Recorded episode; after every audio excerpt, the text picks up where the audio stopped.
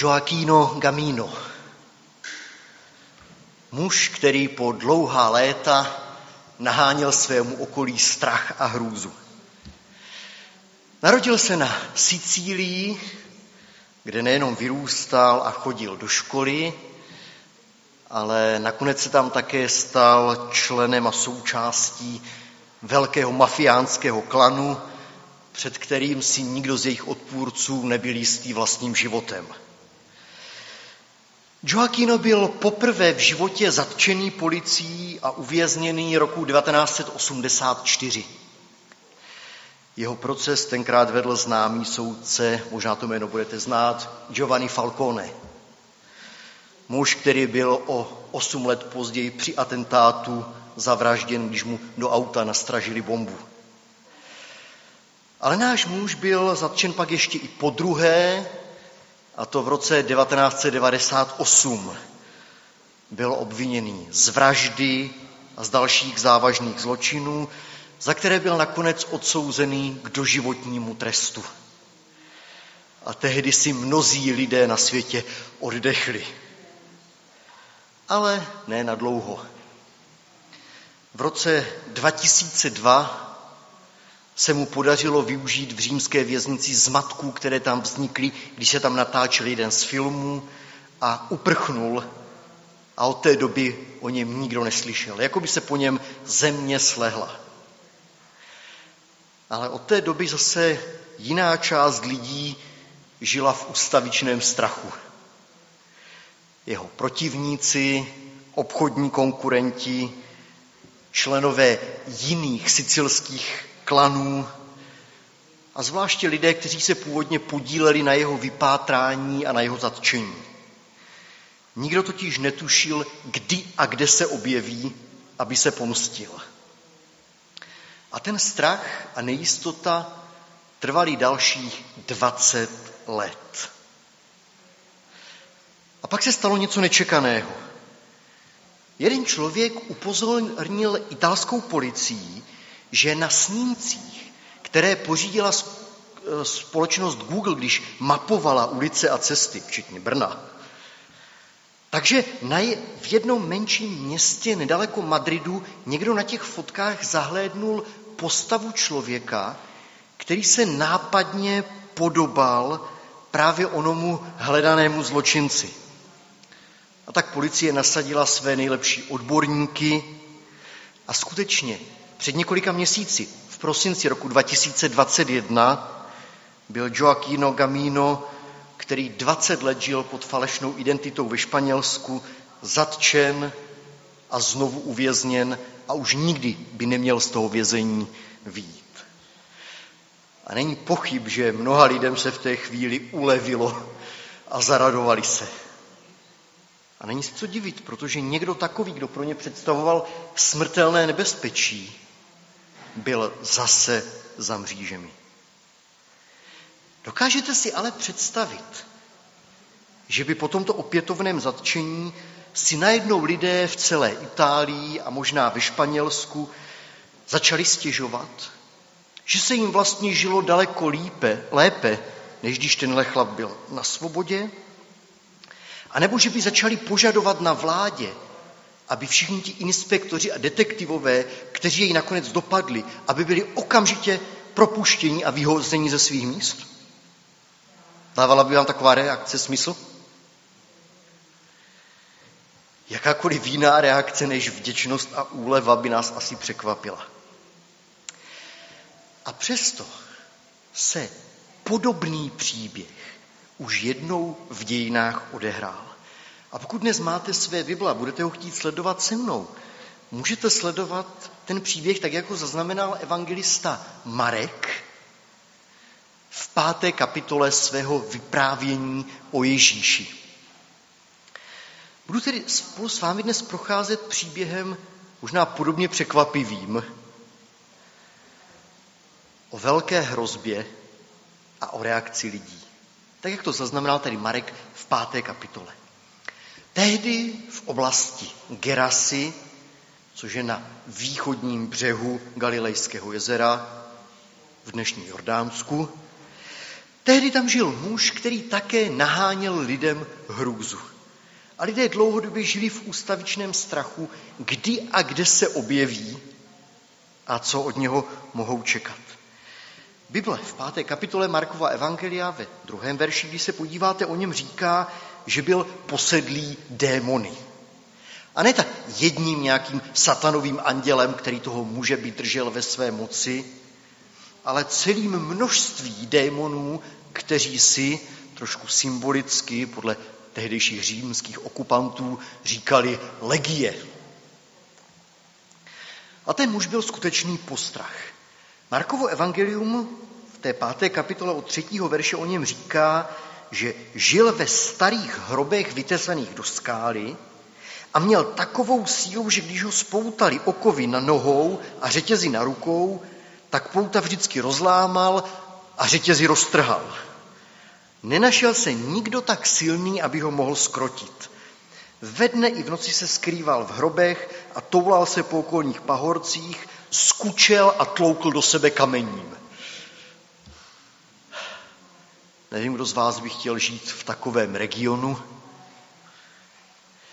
Nikdo v celém okolí se s tím mužem nevěděl rady. Ale znáte to, člověk si nakonec zvykne na všechno. I na strach, a na nebezpečí. Ale rodiče dál důsledně nabádali své děti, aby když si půjdou hrát, aby si nechodili hrát tam ke hřbitovu. Takové ty starostlivější maminky každý den už čekali před školou, aby své děti, aby je vzali za ruku a bezpečně je dovedli ze školy domů. Protože co kdyby se náhodou tenhle posedlý objevil zase v ulicích jejich města? A když už lidé možná počas získali pocit, že je to v pohodě, možná, že už někde ten jeho bídný život tam skončil, pak se zase v noci ozval ten divný skřek, ten jeho jekot, u kterého všem tuhla krev v žilách.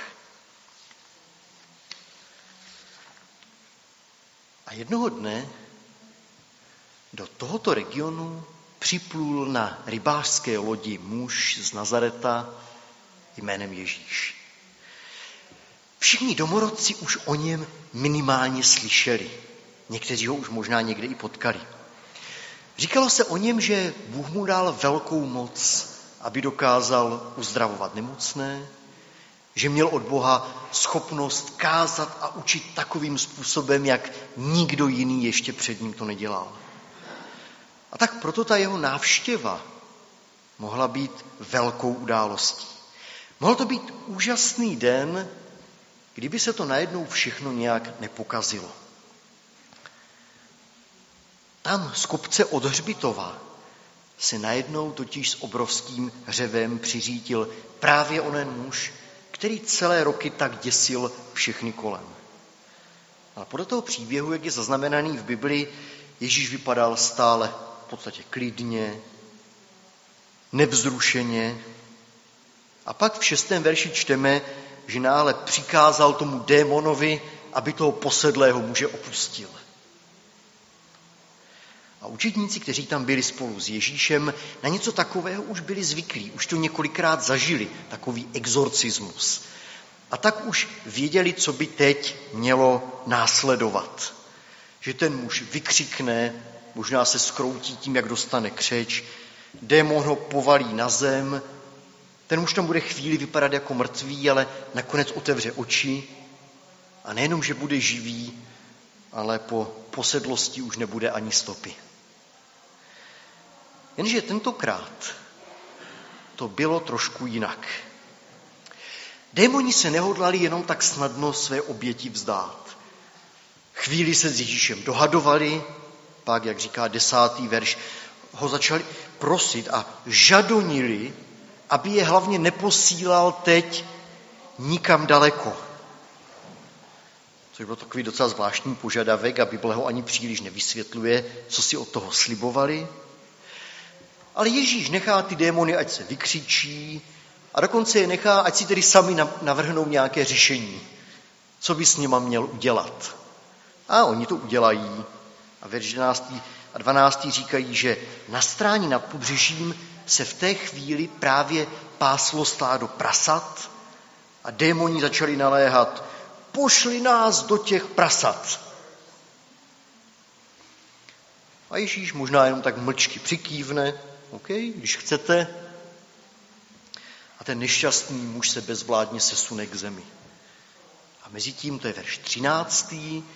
Nečistí duchové věli do zvířat a v zápětí se to velké, asi dvoutisícové stádo splašilo a hnalo se po strání dolů k jezeru, vběhlo do vody a utopilo se.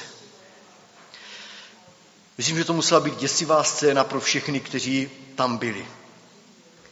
Dokážete si představit, jak slyšíte to vyděšené kvíčení toho obrovského stáda a hrůzu v očích těch zvířat, která se tam vrhala z útesu po hlavě do velkého jezera?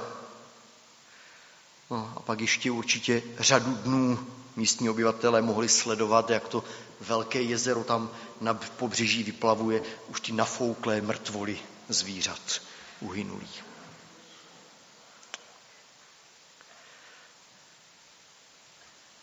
Zpráva o tom, co se tenkrát stalo, se začala šířit po celém okolí a ve městě jako požár.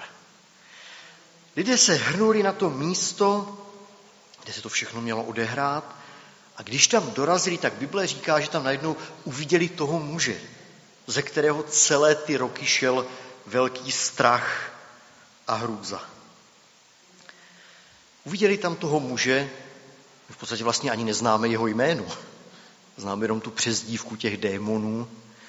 Jak tam najednou sedí s Ježíšem, pochutnává si na dobré svačině, je oblečený a chová se rozumně. Takhle ho nikdo z nich neznal. Ale potom, v tom vyprávění, které má jakousi logiku, je velice dramatické, najednou evangelista Marek poznamená něco, co bychom vůbec nečekali a co minimálně mě vždycky při čtení obrovsky překvapilo. A nějak mi to do toho vyprávění nezapadalo. Lidé to všechno na vlastní oči viděli, to dává smysl. Hluboce je to všechny zasáhlo. A teď, co asi v té chvíli museli prožívat? Jaké emoce cítili?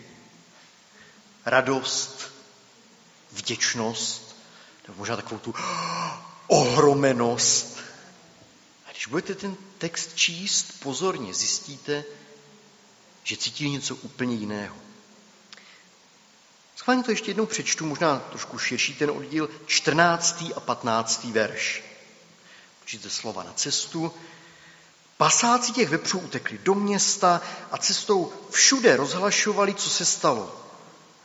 Každý, kdo je uslyšel, spěchal se hned o tom přesvědčit na vlastní oči a tak se kolem Ježíše zhromáždilo mnoho lidí a když uviděli uzdraveného muže, jak tam sedí oblečený a chová se rozumně, a teď dávejte pozor, polekali se. Dostali strach. Čekali byste takovou reakci? Neradovali se a neslavili.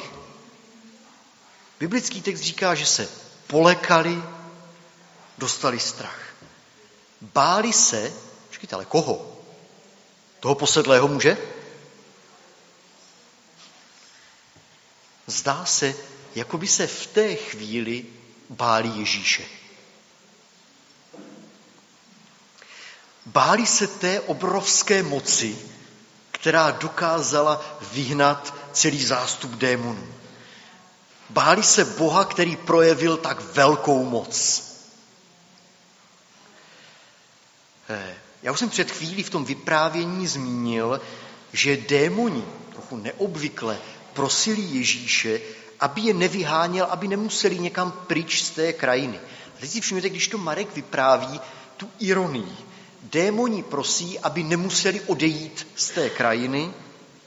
A teď trošku ironicky čteme, že poté, co Ježíš zbavil místní obyvatele té největší hrozby, tak teď oni, podle 17. verše, ho začali prosit, aby on z té jejich krajiny radši co nejrychleji odešel. Takže démoni prosí, aby mohli zůstat, domorodci Ježíše prosí, aby nezůstával aby se co nejdřív ztratil a odešel. A Ježíš to jejich přání respektuje a zamíří ke člunu, aby odplul pryč. A k tomu ještě ten uzdravený muž, který je tam s ním, ten zase Ježíše prosí, aby on mohl odejít. A jemu zase Ježíš nedovolí odejít a řekne mu, aby tam zůstal a fungoval jako živé svědectví o boží moci.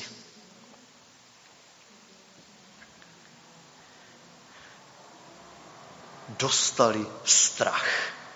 Není to překvapivá reakce? Strach dokáže životy lidí neuvěřitelným způsobem ovlivnit. Nevím, jestli jste vy někdy v životě zažili nějaký velký strach, hrůzu z něčeho. Je přirozené, že když se člověk něčeho bojí, pak se přirozeně snaží nějakým způsobem zbavit toho zdroje strachu, toho, co mu strach nahání, anebo se vyhýbat místům, kde by mu mohlo hrozit nějaké nebezpečí. Jo. Když máte třeba strach z výšek, tak nepolezete někam na střechu, budete se vyhýbat vysokým budovám, rozhlednám. Když trpíte klaustrofobí, asi nebudete jezdit tady borovým výtahem. Pokud trpíte arachnofobií, strachem z pavouků, tak nevím, jestli vás zítra bratr Tomáš na výletě dostane, abyste si tam vlezli do nějaké jeskyně. Je normální, že když mám z něčeho strach, snažím se zbavit toho zdroje strachu. No a naši lidé v Gerase, v tom příběhu biblickém, se také báli. Ale důležité je právě všimnout si, čeho nebo koho. Proč se najednou v téhle chvíli neradují a nejsou vděční Ježíši za to, že je zbavil něčeho, co jim vlastně už dlouhá léta ničilo život a nahánilo strach. Když budete číst různé komentáře, tak teologové v dějinách často přemýšleli, jako, proč tam toho Ježíše nechtěli.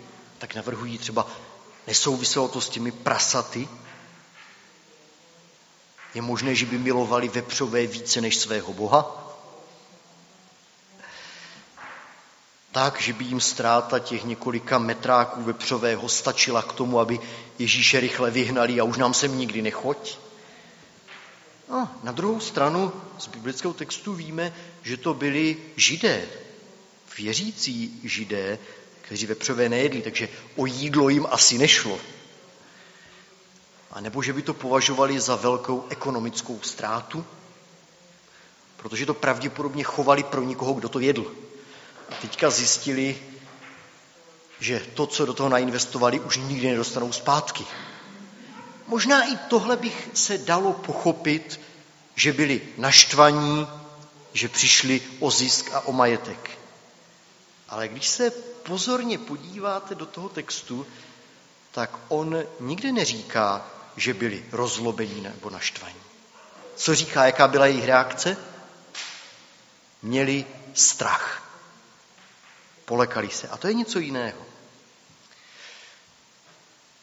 Ježíš totiž zcela narušil a změnil to, co je sice děsilo, ale na co za ty roky přece jenom už byli zvyklí. Tak nějak to patřilo ke koloritu toho života v jejich regionu. Ježíš ale teď projevil svoji obrovskou moc a sílu, která dokázala měnit všechno kolem něho. Dneska to bylo stádo prasat, hm. jenže kdo ví, co bude chtít začít měnit zítra. Jo? Všichni si přáli, aby konečně Bůh poslal někoho, kdo by tam vyřešil velký problém jejich společnosti. Jenže kromě toho pak tam byli taky jednotlivci a každý z nich, jak tam bydleli a možná jak teď přišli, tak kromě toho velkého společenského problému, měl každý ještě nějaké ty své osobní, soukromé problémy. Ty, které se týkaly jeho osobního života, jeho rodiny, práce, podnikání, různých vztahů, které kde měl. A najednou začali přemýšlet a začalo jim to docházet. Teď si představili, co by se stalo, kdyby ten, který se dokázal tak snadno a úspěšně vypořádat s velkou bandou démonů, na které nikdo z lidí neměl, kdyby chtěl od zítřka začít u nás dělat pořádek i v jiných oblastech. Se stejnou mocí a silou a se stejnou úspěšností. Možná zítra by začal řešit některé neprůhledné praktiky, zakázky a smlouvy na místní radnici, lehce upravená daňová přiznání místních živnostníků, několik mimo manželských vztahů některých zbožných členů našeho sboru, pomluvy, které se tak snadno šíří. Není to děsivá zpráva? Dnes změnil život tady toho posedlého chlapa. Představte si, že zítra by se mohl začít zajímat o ten váš. A tak se lidé báli, že by Ježíš mohl otřást i jejich světem. Takže na dobro zapomněli být vděční za to, že jejich životy vlastně zbavil obrovské a letité hrozby. Co my s takovým příběhem? Ten celý velký biblický příběh, jak jej čteme od knihy Genesis až po knihu Zjevení, nám ukazuje jednu zvláštní věc, kterou asi budeme muset, ať se nám to líbí nebo ne, nakonec všichni potvrdit. Zlo a hřích je totiž něco, co na začátku nás všechny děsí, ale jak čas plyne, tak si na to postupně zvykneme. Až tak, že se zlo, hřích a všechno to špatné nakonec stane běžnou součástí našeho života. Tak přirozenou součástí našeho života, že kdyby to tam nebylo, tak by nám to asi i chybělo. Přemýšleli jste někdy nad tím, jaké by to bylo? Jak by asi vypadal svět, anebo váš život, kdyby z něj takhle, lusknutím prstu Ježíše, najednou zmizel všechen hřích a všechno, s čím by Ježíš nemohl souhlasit? Nestratil by pro vás ten život najednou polovinu svých barev, vůně a chuti? Bavilo by vás ještě pořád žít takový život? Na co byste se dnes večer dívali na vašem Netflixu, kdyby tam nebyl ani jediný film, který by neoslavoval hřích? Co byste poslouchali za muziku? Co byste četli? Jak by se změnil obsah vašeho počítače, tabletu nebo telefonu? Jak by se změnily vaše vztahy s lidma kolem vás? Na rovinu. Bavil by vás pořád ještě takový život? My všichni, kteří jsme se tady dnes sešli při této bohoslužbě, se považujeme za křesťany. A moc si ceníme toho, že Ježíš byl ochotný přijít i na naši zemi a udělat něco velkého pro lidstvo. Protože to zní neškodně, že jo? Když něco dělá pro lidstvo, pro tento svět.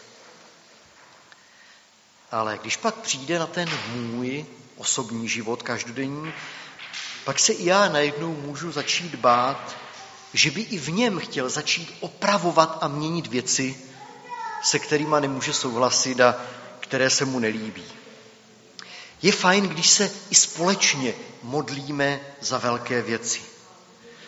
Když se modlíme, aby Pán Bůh zastavil šíření zla, aby uzdravil trpící a ti, kteří jsou vážně nemocní,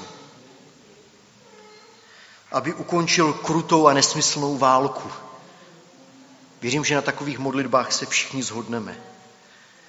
A věříme, jsem o tom přesvědčený, že má tu moc něco takového udělat.